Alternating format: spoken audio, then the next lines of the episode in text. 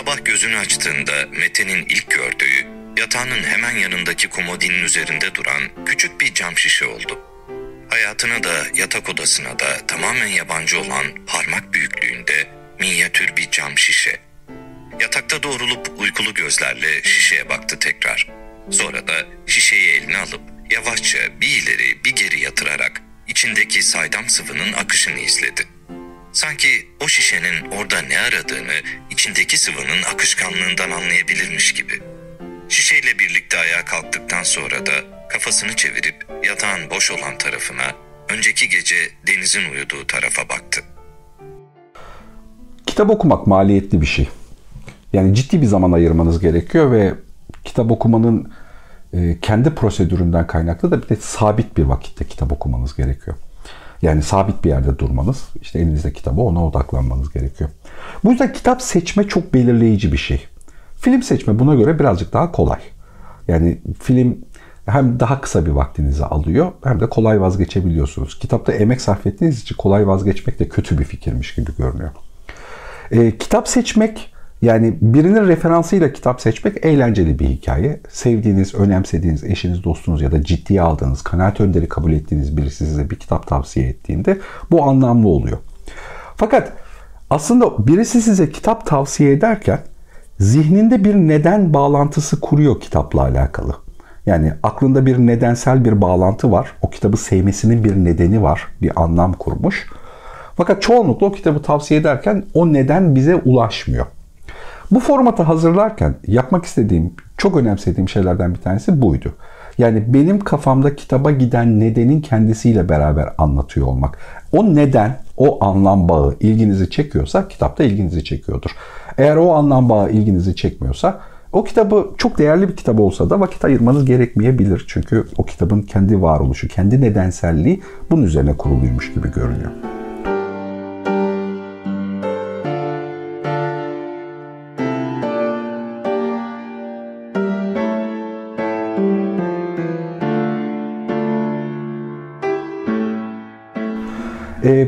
Bugün size insanlık var olduğundan beri olan bir hikayeyi anlatmaya çalışacağım. Neredeyse kendimizi bildik bileli, sapiens sapiens olduğumuz andan bu yana kendini bilmekle alakalı bir soruyla haşır neşiriz. Filozoflar sormuş, bilim insanları sormuş, biyolojik açıdan bakmışlar, zihinsel açıdan bakmışlar, ruhsal ya da psikolojik açıdan bakmışlar. Kimiz biz? Yani kendimizi tanımak mümkün mü? Kendimizle ilgilenmek mümkün mü? Fakat çok uzunca bir dönem bu hikaye daha çok toplumun seçkinlerinin sorunu olmuş. Yani toplumun küçük bir kısmı. Yani bakıyoruz milattan önce 2000 yılında da sorulmuş bu soru. Milatta da sorulmuş. Sonrasındaki yüzyıllar içerisinde de sorulmuş. Ama hep soran ve bunun cevabı ile ilgili açlıkla araştırma yapan insanların büyük bir kısmı toplumun seçkin bir bölümü. Son 20 yılın içerisinde belki çok kalabalıklaştığımız için, belki bilginin yaygınlaşmasının hızından kaynaklı, artışından kaynaklı. Ee, belki dijital dünyanın bir getirisi birbirimizi daha fazla tanımaya vakit ayırabildiğimiz için ya da bunu ara sıra söylüyorum insanlar bazen kızıyorlar ama göreceli olarak dünya daha iyi bir yer olduğu için, daha çok seçenekleri bir yer olduğu için göreceli olarak tırnağını özellikle koyuyorum. E, kendimizi bilmeyle alakalı soru o seçkinlerden çıkmış toplumun büyük bir kısmına yayılmış gibi görünüyor. Herkes kendi yaşamının anlamını ve kendini bilmeyi sorar ya da bununla alakalı bir içeriğe rastlar duruma döndü. Şimdi kendini bilme niye önemsiyoruz bu dönemde? Bu kadar niye ciddiye alıyoruz? E, kendini bilme hikayesinin birkaç tane unsur var. Bunlardan bir tanesi seçeneklerimiz var hayatta ve seçeneklerimizle ilgili karar verirken e, rastgele nedenlerle değil de bir anlam bağına, bir nedene bağlı olarak ilerlemek anlamlı geliyor. İçinde mutlu hissettiğimiz, huzurlu hissettiğimiz, anlamlı hissettiğimiz bir yaşamın içinde olmak istiyoruz. E bunun için bizim kim olduğumuza dair soru sormamız gerekiyor arka tarafta ki e, seçeceğimiz yolu anlamlı bir şekilde seçebilelim. Bir de bir şey daha var fark ettiğimiz. Önemli ayaklardan bir tanesi. Eğer biz kendimizle alakalı düzgün bir karar vermezsek, kim olduğumuzla alakalı e, anlamlı bir bütün çizemezsek zihnimizde dışarıdaki oluşan etkilere çok açık birine dönüşüyoruz. Yani bizim kim olduğumuzu aslında nerede yaşadığımız, hangi zamanda yaşadığımız, kimlerle iletişime geçtiğimiz belirliyormuş gibi görünüyor. Eğer kendimizin kim olduğuyla alakalı karar verebilirsek kendi iklimimizi biz yaratabiliyoruz. Yaşadığımız anın rengini, tonunu biz verebiliyoruz. Ama eğer kendimizle alakalı doğru soruları sormazsak bizim ne olduğumuza, kim olduğumuza dış etkiler karar veriyor. Ve bu dış etkiler yani şöyle tarif edeyim. Bu dış etkiler reklam demek. Bu dış etkiler televizyon demek. Bu dış etkiler medya gücü demek. Bu dış etkiler siyaset demek, politika demek. Bu dış etkiler ticari ilişkileri ve ticari çıkarları olan iş ilişkilerimiz demek. Yani bunların hepsi gayet de ikna edici, çalışmış, profesyonel ve manipülatif bir dille sabahleyin uyanır uyanmaz cep telefonunu elimize aldığımız ilk andan itibaren bizi etkilemek, bir şeye ikna etmek, bir şeye yönlendirmek, bizim şeklimizi bir şeye çevirmekle alakalı bütün gün uğraşıyor. Yani otobüse bindiğimizde, insanlarla karşılaştığımızda, insanların tercihlerini gördüğümüzde eğer kendimizin kim olduğunu bilmekle alakalı azıcık hazırlıklı değilsek, e, azıcık e, kendimizi bir bütün olarak algılayabilecek bir formül üretmemişsek kendi içimizde dışımızdaki her şey bizi kendisine göre bir şeye yönlendirmeye çalışıyor. Şimdi sorunlardan bir tanesi de şu. Bu parça parça ve farklı ihtiyaçlarla gelen bir etki olduğu için çoğunlukla oluşa gelen şey şekilsiz ve biçimsiz bir şey oluyor.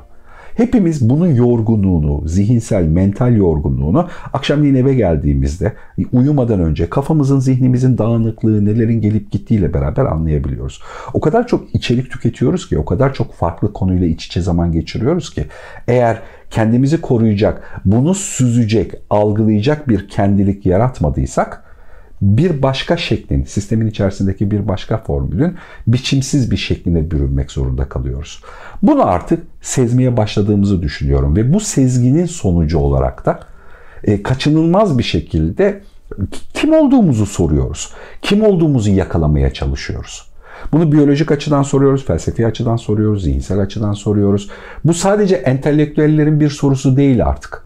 Yani toplumun hemen her katmanındaki birçok insan yaşamsal seçkisini anlamlı bulacağı, nedenselliğini nitelikli ele alacağı konularla ilgilenmek istiyor.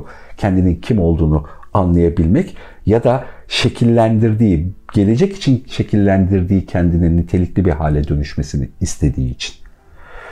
Şimdi bu konunun bence en güzel işlendiği kitaplardan bir tanesiyle tanıştırmak istiyorum sizi. Bülent Göksal'ın ikisiyle.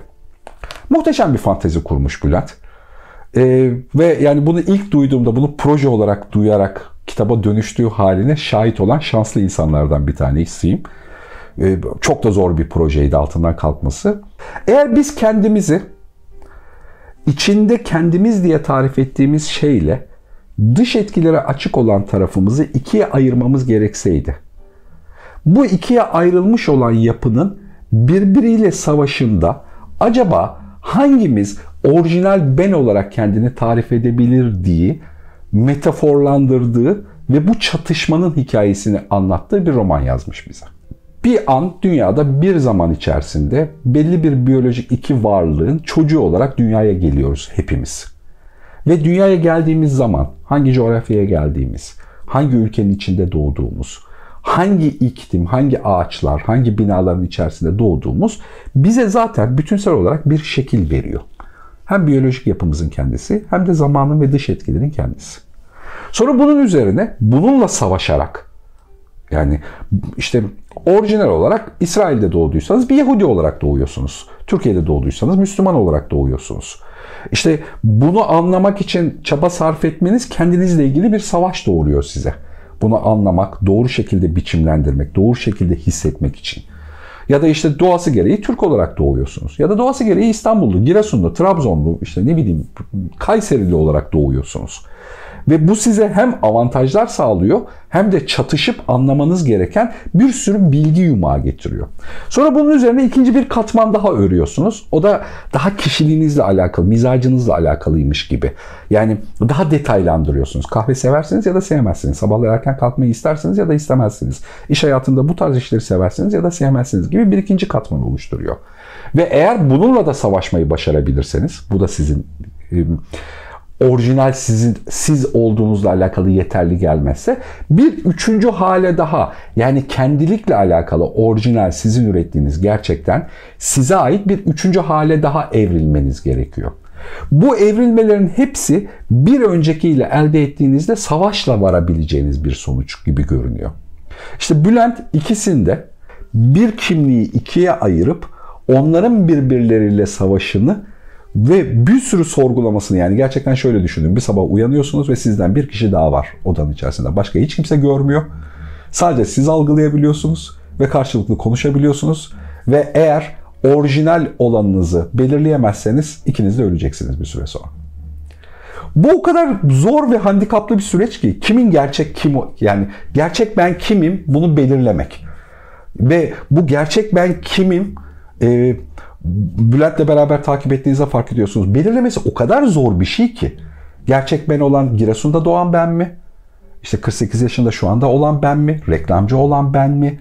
İşte birinin abisi olan ben mi? Birinin çocuğu olan ben mi? Bu hikayeleri seven ya da şunları sevmeyen ben mi? Gerçek ben kimim sorusu bizi gerçekten zor, zorlayıcı, muammalı, hayata dair katman katman örüntülerin içerisine alan ve birçok şeyi yeniden sorgulamamıza neden olan bir hikayeye yönlendiriyor.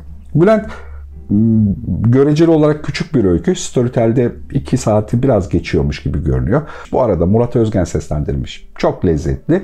Hızlı bir şekilde hani dinlerken de okurken de yani o kadar çok not alma isteği duyuyorsunuz ki kendinizle alakalı ya da dışarıda rast geldiğiniz bir insanı tanımlamakla alakalı ya da kendi yansımalarınızı dışarıda doğru şekilde görüp görmemekle alakalı. Bülent Göksal kitabında bu gelişen ve devam eden kendimize şahit olan bir ikinci ben yaratmış. Bu şahitliğin huzurunda kim olduğumuzu arıyoruz. Kim olduğunu arayan, üzerine birazcık mesai harcayan hemen herkes için çok eğlenceli bir yolculuk olacaktır. Kesinlikle tavsiye ediyorum.